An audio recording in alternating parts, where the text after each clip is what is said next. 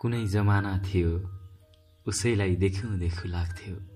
बाटोमा कतै जम्का भेट हुँदा स्कुलको हेड मास्टरलाई भेटे भन्दा बढी डर लाग्थ्यो। मुटु भुक्ख फुलेर आउँथ्यो। धड्कनको गति तेज हुन्थ्यो। बोल्ने आँटै आउँथेन। मनमा बोलौँ बोलौँ हुन्थ्यो।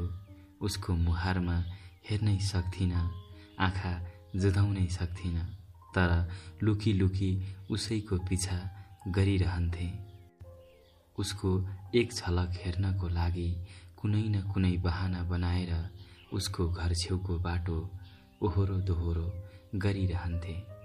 जब उसको मुहार झुलुक्क देख्थे खुसीले खुट्टा भुइँमा नै हुन्थेन। लाग्थ्यो आकाशमा उडिरहेको छु।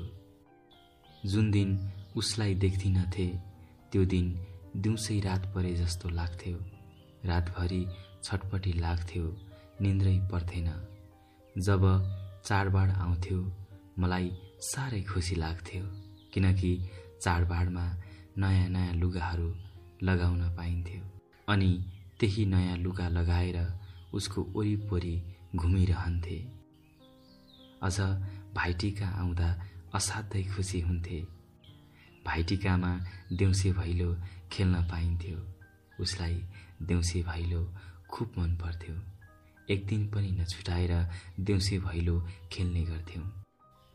देउसे भैलोमा साथीहरूको ध्यान अन्तै हुँदा उसले भट्याइरहँदा उसको मुहारमा एकहोरो खुब हेर्थे अनि मन मनै रमाउँदै उफ्रिन्थे।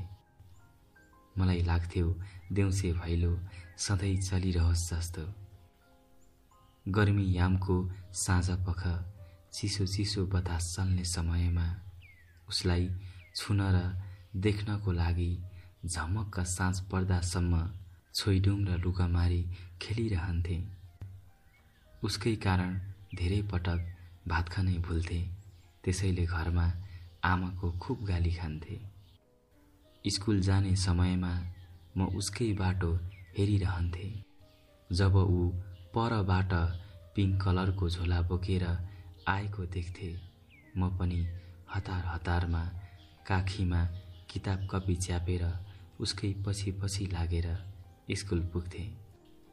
ऊ प्राय स्कुलका साथीहरूसँग हाफछुट्टीमा भागेर खहरे खोलाको रहमा पौडी खेल्न जान्थे।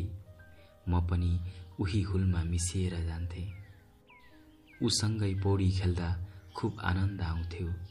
किनारको ढिस्कोबाट रहमा झ्याममा हाम्फाल्दा मायाको सागरमा चुल्लुमा डुबेको आभास हुन्थ्यो। रहबाट निक्लेर किनारको बालुवामा उसको नाम खुब लेख्थे। छालले सेकेन्ड सेकेन्डमा आएर उसको नाम मेटाइदिन्थ्यो र पनि औधी खुसी हुन्थे। अचेल बल्ल थाहा पाएको छु किन छालले सेकेन्ड सेकेन्डमा आएर उसको नाम मेटाएको थियो? सायद त्यही नै मेरो भाग्य थियो। अचेल महसुस गर्दैछु ऊ बेलादेखि अहिलेसम्म उसैको एकहोरो मिठो प्रेममा पागल भएको त्यो पल। अचेल यो पनि बुझेको छु साँचो प्रेमको भाग्य हुँदैन भनेर। भाग्य नभएको मेरो साँचो प्रेमको पात्र तिमीलाई न्यानो माया साथै हृदयभरिको सम्झना।